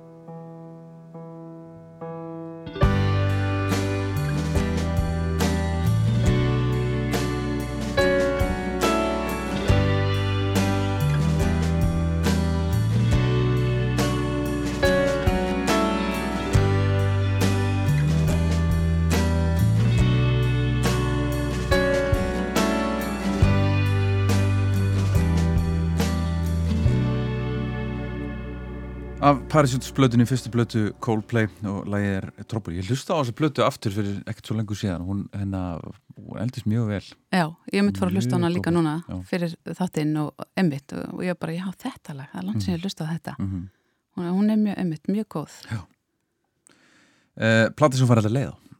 Já, þannig skellti ég bara inn hérna Leonard Cohen Top Tracks. Já. Þarna eru bara allir mínu gullmólar saman komnir Já, það er bara stað. Spotify, Cohen Top Já, Tracks já, og Ítir að Play. já. já. Cohen er þinn maður. Já, Já. það er bara algjörlega og það er búin að vera það mjög lengi. Hann, sko, ég hef svo sem tekið þess að ræða áður. Mhm. Mér finnst alltaf gaman að ræða, við, ég er mjög gaman að Cohen líka. Mm En hann hefur eitthvað einstakt lag á, sagt, á konum. mhm. Já, og konur sem að fara að fíla já, að það kemur svona glappi í auðuna Já. þegar að fara að tala um hann. Já, og mér langar svo að vita hvað það er en ég veit alveg hvað það er. Ég, ég, ég, ég, er. Sko ég var svo heppin að fara að tónleika með honum já, í hérna Noregi, Oslo. Þetta var 2007 mm og hérna eh, satt upp í stúku og hlustaði á hann og ég bara, ég grét, þarna grét ég reynilega, vinkona mín hún sig að leita á mig og bara, stelast að gráta? Bara og hérna ég held að það sem hann hefur, hann er svo eins og ég fann þá, hann er svo rosalega auðmjúkur -hmm. og hvernig hann talar þú veist, þetta bara snerti mann einhvern veginn og ég veit ekki hvort þetta snerti konu frekar en kalla en um, ég veit það ekki, það er hvernig bara hann yrkir um konur líka. Já, hann gerir allt öðru en, en, en eða flestir aðrir sko. Emmitt og svona tilfinningarnar sem hann sýnir uh, textarnir svo er hann alltaf eitur svalur Já, hann náttúrulega bara, sko, að sjá hann þarna á sviði var náttúrulega bara magnað. Þú veist, þetta voru margra klukkutíma tónleikar og hann bara sást ekki á honum, hann stóð þarna allan tíman, uh, þú veist, auðvitað var röddinn svona aðeinsfærin að, og þú veist, nei, hún verður bara flottar, sko. Mhm. Ég bara, og, og þarna á hann eftir að gefa út nokkra diska, sko, þegar ég sé hann. Þeir eða þrý sem kom út á eftir mm -hmm. og hérna Já, það er eitthvað, ég held að kannski er það þessi trúarlega reynslan sem hann fór í gegnum hérna, var í einhverju búta uh, hérna, klaustri lengi og kúplaðs út úr heiminum, hann hafi eitthvað svona yfir náttúrlegt sem við hinn höfum ekki, ég held að það sé bara þannig talar hann til mín allavega. Mhm. og hérna ég hérna, líka þegar ég bjó í New York þá fórum við maðurinn minn í svona einmitt uh, bara á hans slóðir. Já. Inn, ég satt inn á Chelsea Hotel og bara vá, Hérna var hann. var og bara, þú veist og hérna, þetta var svo meiráttar Mhm. að hérna að labba hann um og við einhvern veginn gátum labbað út um allt hótel og ég var bara, þú veist Já. og fórum svona svolítið hans um, á hans slóðir Já, það er gaman sko. það er mjög gaman Já. Og einhvern veginn tengdi mann enn sterkar og setti mann í þann gýr sko, Já. hvernig þetta var á þeim tíma og, og hérna já, þannig að mjög hast einhvern veginn eh, mjög stert Já. Og við ætlum að hlusta á, á, á Samson in New Orleans. Já, þetta er náttúrulega sko af nýlari plötu og ég ákvað að velja það það tengið mér náttúrulega við New Orleans og, og hlustaði mikið eh, á hann þar líka og var nánast búin að fara tónleika en, en forfallaðist og komst ekki á það því miður þannig að ég misti af því að sjá hann aftur þar það hefði verið dásamlegt í eh, Mah Mahalia Jackson Theater sko. Leonard Cohen.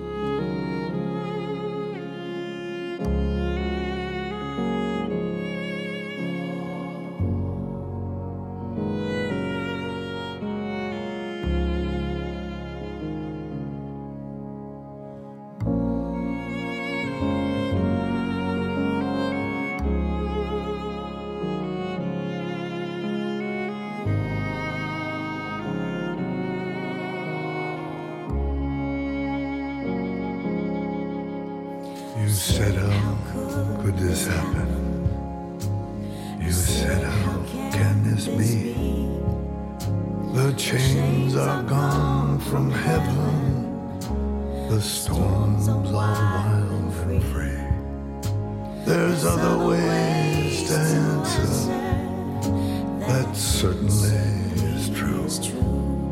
Me, I'm, I'm blind with death and anger, and, and that's no place for you. There's a woman in the window, there's a bed.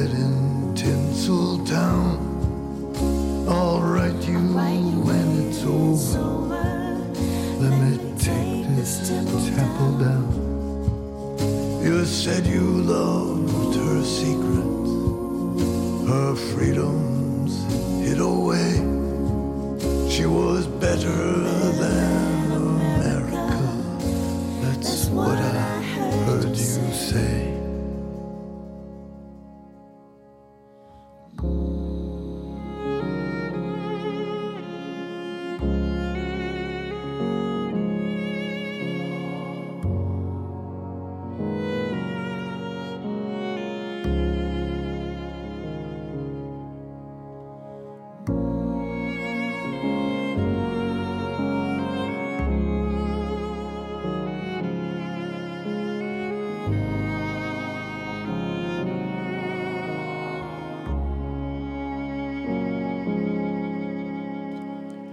Samson in New Orleans in ótrúlegi Leonard Cohen Herri Stella, það var að plata sem farið að leiða yfir í fyrstu blötunum sem þú kiftið þér Já um, Fyrsta platan sem ég man að ég hafi keftið mér Mhm.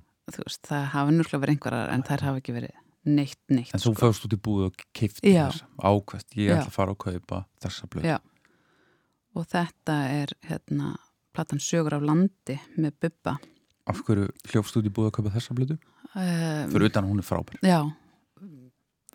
Bara já, mér fannst hann bara frábær á þessum tíma og hlustaði mikið, þetta var bara eitthvað svo mikið í, í umhverfinu. Mm um, og náttúrulega eins og ég sagði áðan það voru tónleika með honum í grunnskólanum og eða balli eða eitthvað svo leiðis og hérna við bara hlustum rosalega mikið á Bubba -hmm. á þessum tíma og allar plöturnar hans en minnst þessi svona sterkust að hún kom út á mínum tíma, þú veist það voru Nákvæmlega. margar mjög góðar hérna Já. undan, alveg frábærar og allt svo leis, en þetta er svona sem ég tengi er að koma út á þeim tíma sem ég er hérna unglingur Já.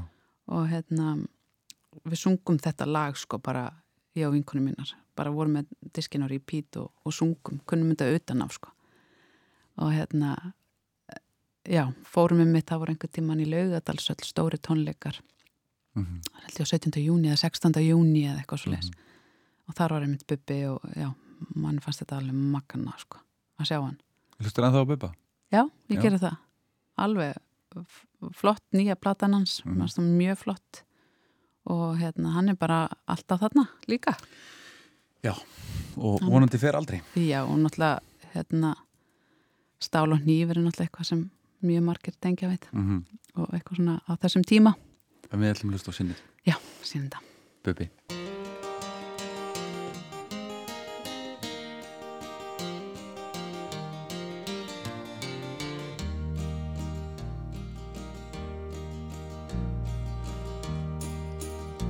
Milli jóla og nýjárs um nótt við komum í nýstingskulda, slittu og jél. Sýneta hétt skipið sem skreið við landið með skattaði stýri og laskaða vél. Við austur ströndina stóðum á dekki, störðum í sortans kólguský. Drunur brimsins bárust um loftið, mín druknaði óttanum í. Einst í fyrðinum sáum við ljósin lýsa, ljósin sem komu þorpinu frá. Um síðir þau hurfu í hríðina dökku, um hjört okkar flætti lífsins þrá.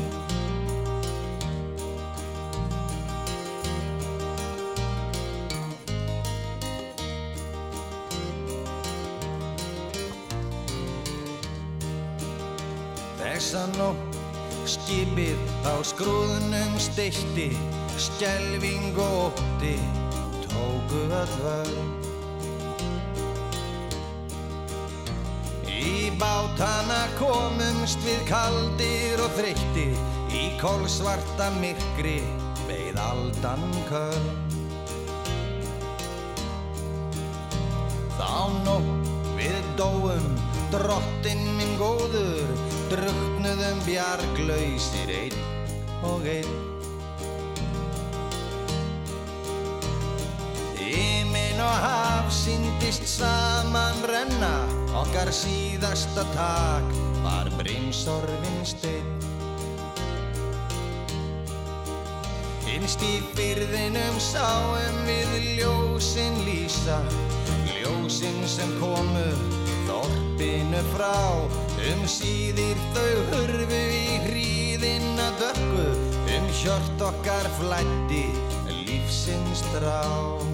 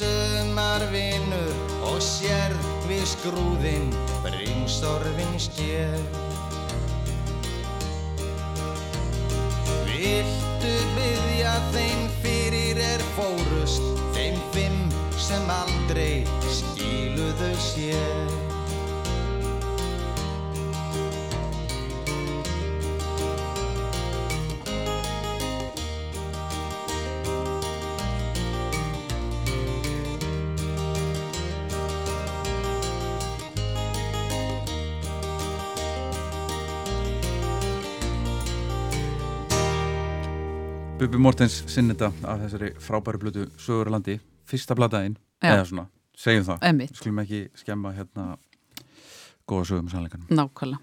Herru, kveikmyndatónlistin, Stella, hvað ertu þar? Herru, þetta er svona uh, lag sem og mynd sem við horfum mikið á sem ungar stelpur og vinkonum mínur, Breakfast Club Mm og hún er bara algjör klassík og þetta lag uh, við kunnum hana utan, utanaf Myndina? Var- já, Já. og lagið með þú veist, og þetta var náttúrulega hérna, vídeospólu Já, spólu tilbaka. Já. Já. og það var bara, veist, allar senur, allt. Og þetta lag er bara svo stert og það lif, minnst að lifa svo vel. Það hafa verið mörg önnur lög en þetta er einhvern veginn bara, þú veist rúvarum þetta sínum daginn þessa mynd. Og við liggum við sko SMS-um hver annari, heyrðu, það er verið að sína brekkvasklöp, þið verið að horfa, þú veist og þetta lag er bara já, maður fær aldrei leið á því og það er bara einhvern veginn minnst að lifa vel, Mm Eitt af bestu eittislögun, já, segja margir. nákvæmlega þetta er alveg geggjað Simple Minds. Já, þetta lag er einhvern veginn bara þessi mynd, sko. Já, það er það. Og maður tengir svo stert að maður heyrir þetta lag við myndin á öfugt, sko. Nákvæmlega, hlustum.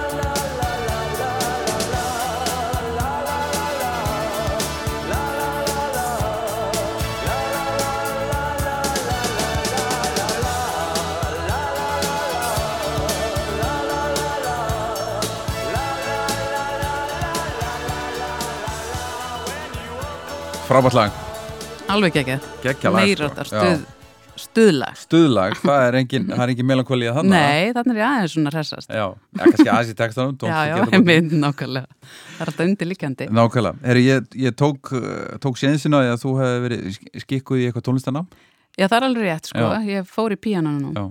en hérna, ég endist svo sem ekkert lengi. Nei, Þannig var það að- gæðin eða bara vildur þú fá að spila þína músík? Sko, ég held að það hafi verið svolítið, eh, svolítið skrítin tónlistaskólu sem ég fór í, þú veist, ég var að læra derreglægið. þú veist, ég veit það ekki. Nei, það einhvern veginn heillaði mikið. Og ég var líka ekki hrifin að vera eitthvað að spila á tónleikum. Þú veist, mér langaði meira bara að gera þetta fyrir sjálfa mig. Já, ég já, já. hef séð eftir setna meira hafi ekki, þú kannt ekkert á píanó? Nei, Nei, ekki neitt? Nei. Nei. Þú veist, ég vildi að ég hefði myndi kunna það í þetta og geta að spila fyrir sjálfa mig, en það sem mér fannst á þessum tími, ég hafði bara ekkert áhuga að vera að læra og fara að spila á tónleikum, ég vildi þá bara gera þetta fyrir sjálfa mig og ekki spila derriklæði Er ekki á seint, sko. Nei, ég veit það, þannig að ég þarf að fara að gera eitthvað í þessu. Ég held að vera mjög gaman og kannski að ég geri það með dæturum mínum. Láti minn draum rætast í gegnum, Gegnum þær. þær, já. Þetta er ástæði fyrir maður eignast Ég börn, veit Stella. það. Þannig ég er svona að hugsa það, Já, það er mjög gott, sko að senda þær í tónlistanám og, Og þú ert alltaf með svona já, einmitt, þá get ég lært með. Já, já. Maður get náttúrulega, þú veist, já, einmitt, ég stefna það. Og hérna, Hva, svona, Hvaða lag var það svona sem að þið langaði að læra? að geta að spila ég held að það geti verið eitthvað sérstakt lag svo sem, en hérna, en bara geta, þú veist, eh, verið einn með sjálfum sér og, og einhvern veginn bara spila á píano. Ég held að það sé eitthvað, ég held að það sé svona uh, stress losandi. Já. Uh, já, ég tengi það við það, Mhm. einhvern veginn, en kannski ekki endilega eitt, eitt ákveði lag sem ég hafði áhuga á.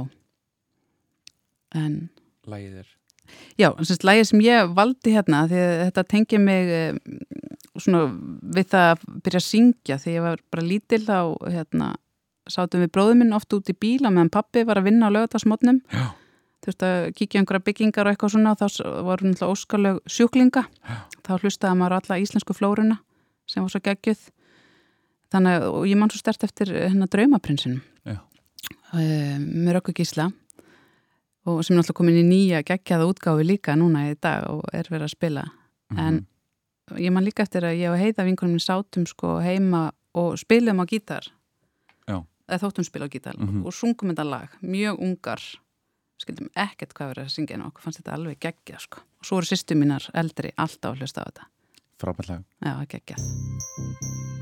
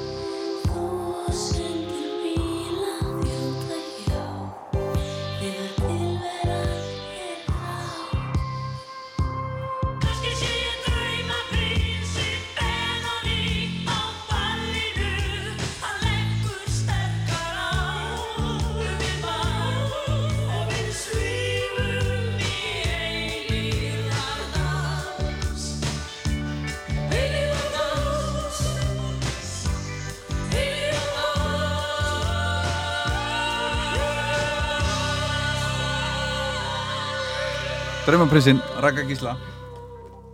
Herðum, þá var það uppáhalds íslenska leiðið Já, sko ég varð að koma þessu bandi að. Það hefur fyllt mér lengi. Já, bara frá upphafi já. þeirra e, Sigurós mm og hérna já, bara gegnum súrt og sætt. Ég hef sopnað við þessa tónlist ég hef glaðst, ég hef grátið uh, og allt þar á milli. Já. og hérna hef séð þá spila á Íslandi í New York tvisarsinum New Orleans. Mhm.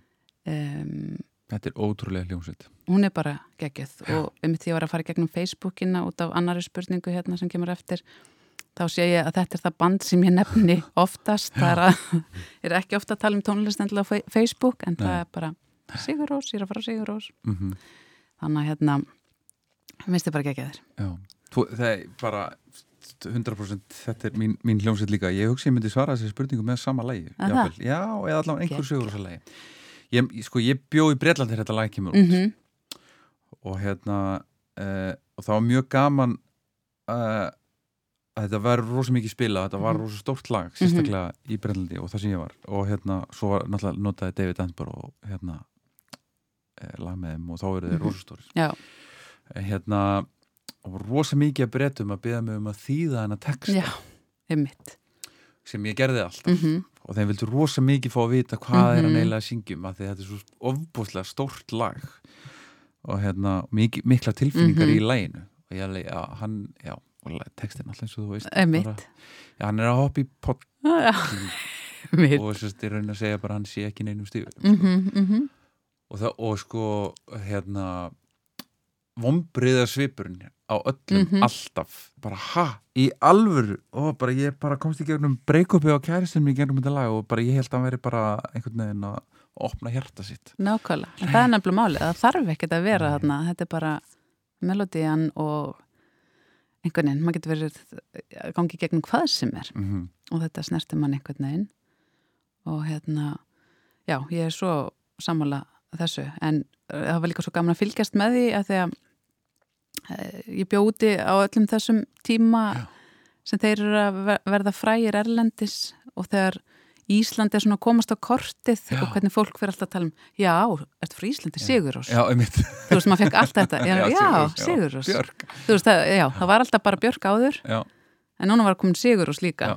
Þannig að það var ótrúlega gaman að fylgjast með því sko. Mhm. Og sérstaklega í bandaríkunum sem er alltaf svo stóru og erfiður markaður að, hérna, að þeir hafa held betur slegið gegn þar mm og farið í mörg tónleikaferðalög. Já. það er alveg meira áttar Við ætlum að hlusta á Hoppi Polla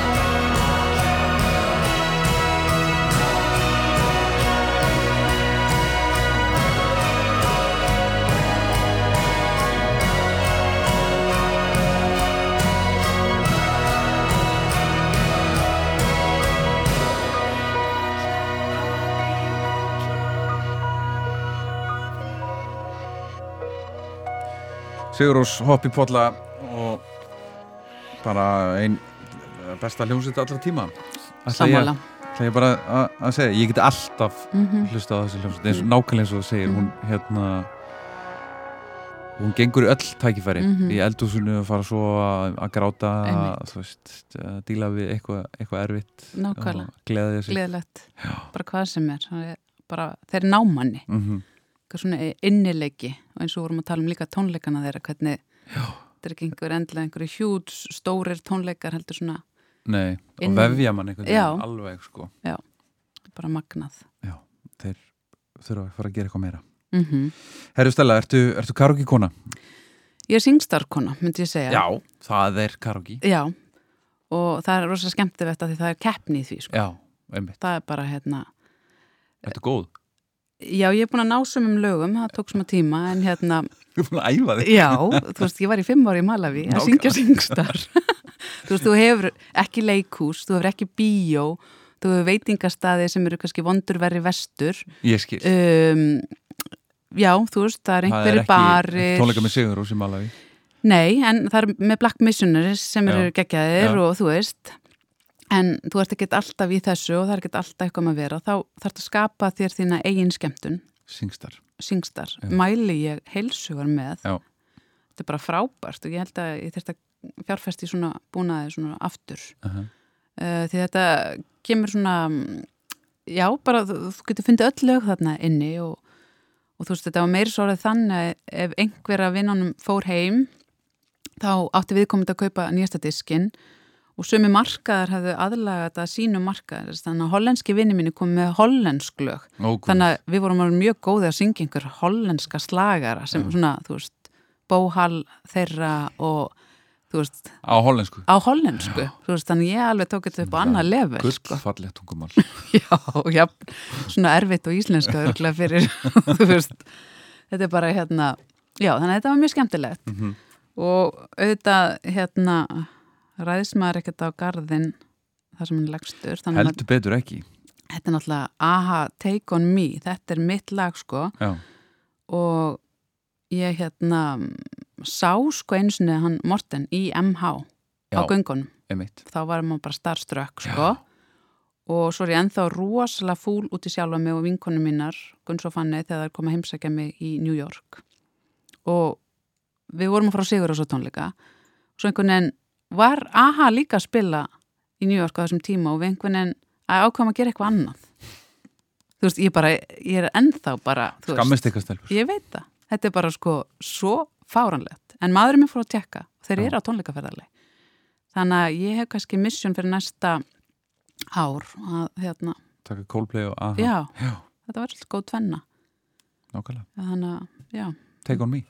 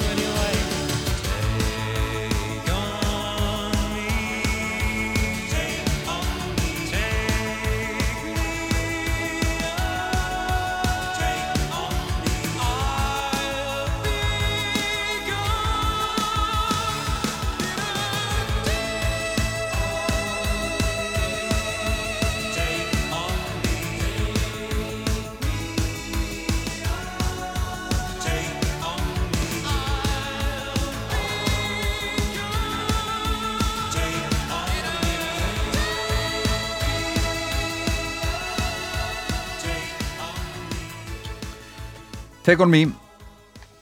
Þetta, þetta lagmaður Það er- fer svo hátu upp. Ég veit að þetta er alveg nærði þessu?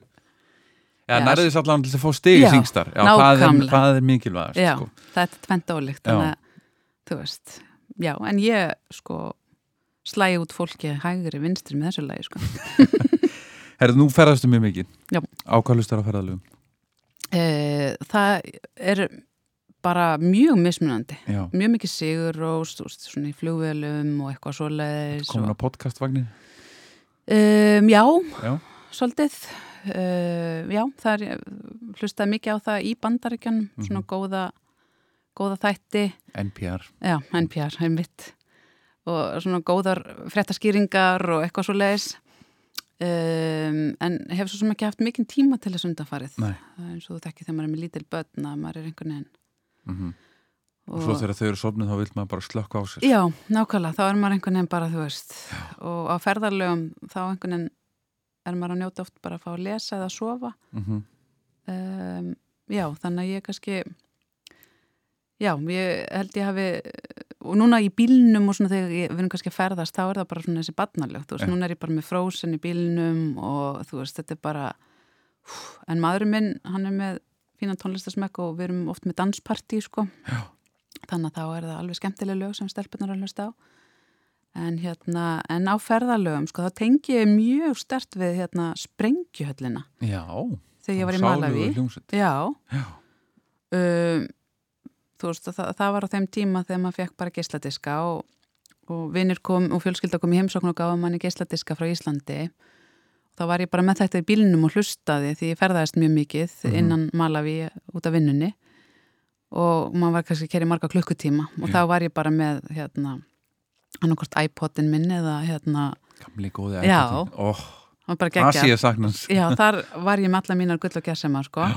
og svo geisladiska Já. og þá bara hérna, hlustaði ég svo rosalega mikið á sprengjuhöllina og líka Sigurós þarna um, Ég get alveg trúið að Sigurús og, og Afríst Já, landslag sé bara geggjað. Mjög- saman syngjum við endalaust diskin Já, þegar hann- kom út. Mhm. það er á svipum tíma sko og sprengjuhöllin, en þú veist þetta lag keirum yfir Ísland, Já. að keira í malavísku hérna landslægi, já, það er alveg geggjað og syngja í botni, ég tengið þetta þetta er bara alveg geggjað sko, sprengjöllin já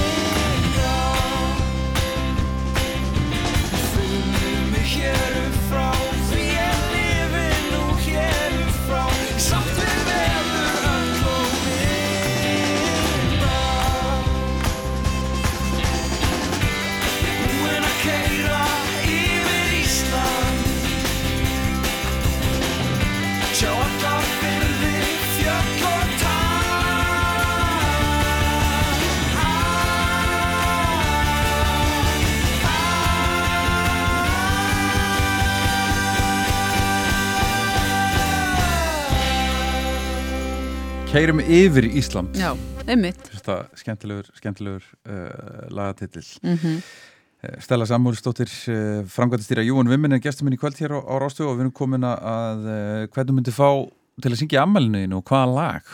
Já, um, þetta er hérna eitthvað sem ég er búin að vera að hlusta á svolítið undanfarið, mm. undanfarin ár, það var held í kringum 2013 sem sænskur vinnur mannsins míns kynnti mig fyrir austra. Já, þú spilið hérna á Erfis Já, ok, ég mista því. Og hérna, já, mista bara geggjuð. mm. alveg og hérna eitthvað við röddina og ég heitlaðist alveg þau, hún var einmitt að spila mikið hérna eh, í New Orleans líka, ég mista hann í þar líka sá hann alveg hérna tónleika au- auglista en ég held að hún geti verið svona skemmtilegt fyrst í ammæli sko. Mhm. og mist þetta lag ótrúlega flott. Og já, þetta er svona eitthvað sem ég og maður minn hlustum oft á. Ostra, Home. Mhm. Stay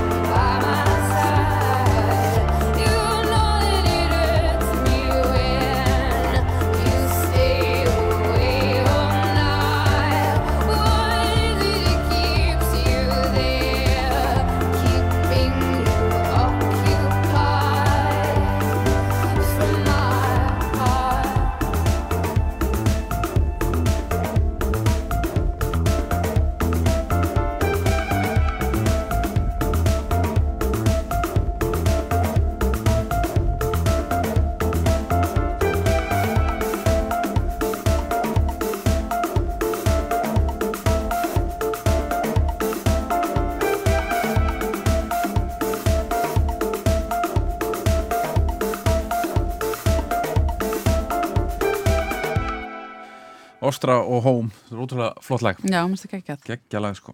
Herru, aftur er það Cohen, síðasta lagi sem þú dildir á samfélagsmiðli Já. Þurftur að spóla langt. Já, 2016 Já, vel gert. Já. Þannig ég var alveg bara, ok, ég held ég hafa aldrei deilt tónlist. Nei, En þá sá ég einu skipti sem ég hef deilt einhver það er þegar ég er að fara á Sigurósa tónleika. Já. eða hérna þegar diskurinn hans Coens kom út 2016 síðasti. Síðasti, You Já. Wanted Dusker mm og það var hérna, já og ég sá mér þess að einhver hafi líka deilti á mína síðu, heyrðu það kom nýr dis, diskur, þannig að það var eiginlega tvenn, Mjög gott, þannig að þetta er mjög stert flott lag líka. Alveg meira Frábæð blada já, hún er æði sko. já. ég er líka sko, þessar tvær síðustu plötur hans eru alveg geggjaðar. Mhm. þú veist, um, einhverju myndi halda komin um áttrætt. Ekki Cohen sko. Nei, og ekki okkar maður sko, Mm. hann bara hjælt uh, já, hjælt áfram alveg uh, inn í lokin. Já, You Wanted Darker, Leonard Cohen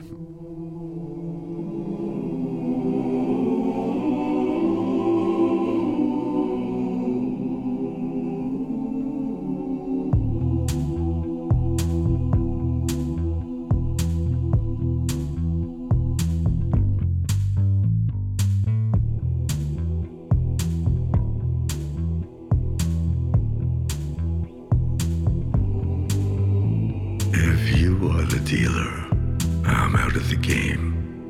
If you are the healer, means I'm broken and lame. If thine is the glory, then mine must be the shame. You want it darker. We kill the flame.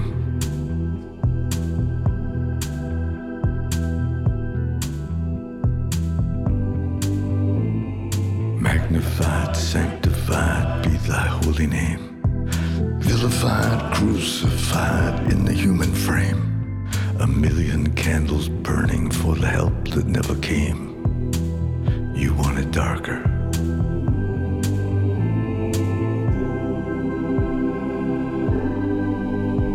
Hey, nay,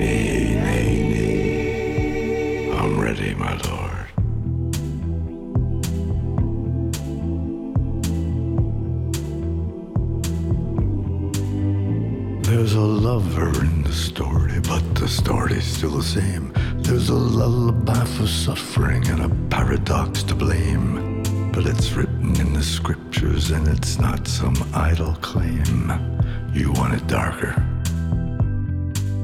We kill the flame.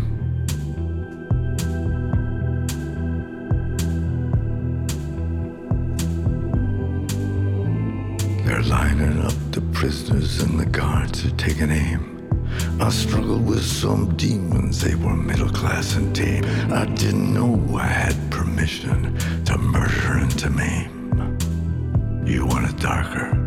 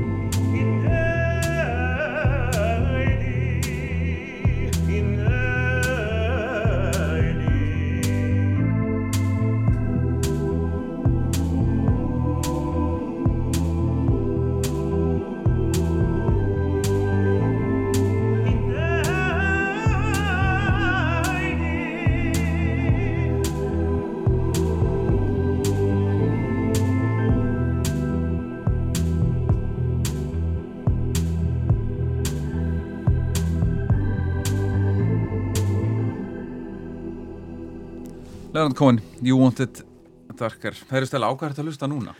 Já, það er svolítið skemmtilegt að segja frá því, sko. Gjörðu svo vel. Má ég segja? Já, gjörðu.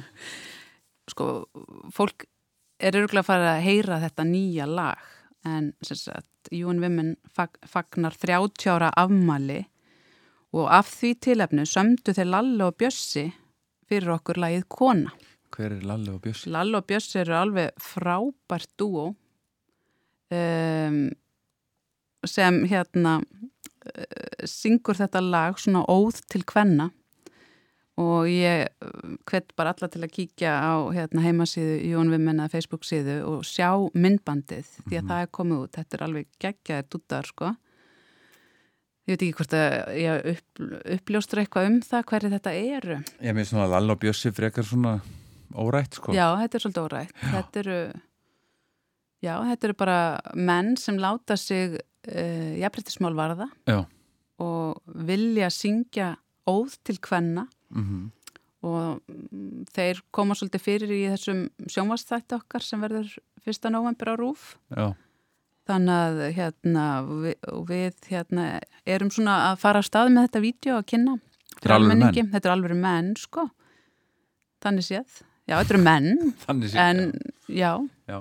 Þetta er bara, ég hvet alla til að sjá vídeo því það er ótrúlega fyndið og þetta lag er náttúrulega bara snill. Hlustum á Lalla og Bjössa. Já. Ef horfir þú á heiminn og hlustar inn á við þá vilt af öllu hjarta leggja konum lið Fórnir skulum færa og finna dömum stað eiga sínað njóta alveg sama hvað.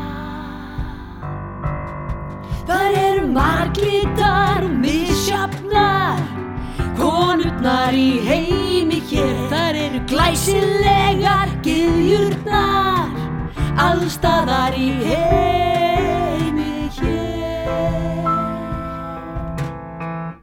Mér finnst þær hafa vangi Svo blíðlega fljúa Þeirra mjúku hendur gegnum Hár mitt smjú Fallega Fingjaðar Hafa stundum rétt fyrir sér Og eiga líka rétt á sér. Þær eru marglitar og misjafnar Konurnar í heimi hér Til bæði fínlegar og smáþéttar. Allstaðar í heimi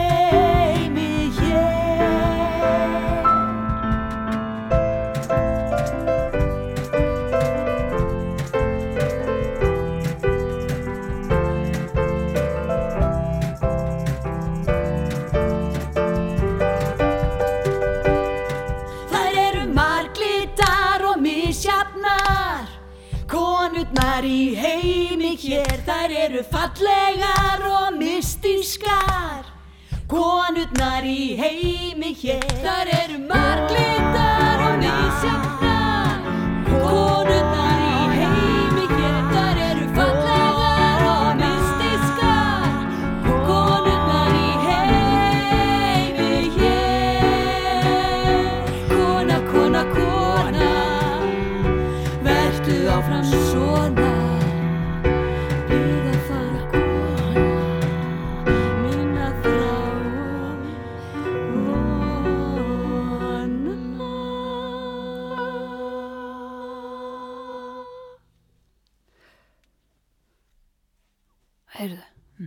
það eru náttúrulega líka fæða börnin. Ah, við klikkuðum á því maður. Skotin, er þetta að fara í spilun? Þetta var í spilur og... Já, Lalla og Bjössi, þetta er farið í spilin, það er búið að spila þetta. Þið þurfum bara að semja annar lag Já, já, þetta verður um börnin. Já, já. Koma með eitthvað annað, teika þetta, sko. Það er hérna, er þeir eru efnilegir, sko. Já, Lalla Bjössi, mest þetta alveg algjör Eurovision slagari, sko. Það er, það er, það er grund á bara- rýminu líka.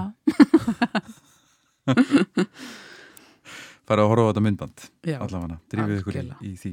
Herri, síðust tónleika sem þú fórst á, Stella. herðu, það var í september í Eldborg í Hörpu, Hjaltalín Já. sem voru alveg geggjaði tónleikar. Já, Frábæri tónleikar. alveg meirháttar. Og gaman að sjá þau koma aftur og spila nýtt efni. Mm -hmm. Hjaltalinn er hljómsveit sem ég og maðurum minn höfum hlusta mjög mikið á og hérna bara æðislegt band. Og ég valdi þarna þú komst við hjartaði mér. Það er bara klassík. Og þegar þú komst inn í líf mitt breytist ég, þú komst, þú komst við hjartað í mig. Ég þóri að mæta hverju sem er, þú komst, þú komst við hjartað í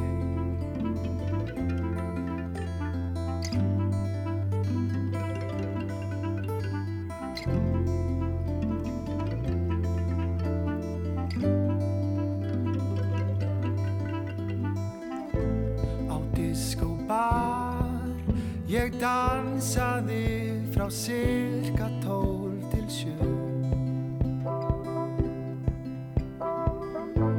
Við mættumst þar með hjörtun okkar brotin bæði tvö. Ég var að leita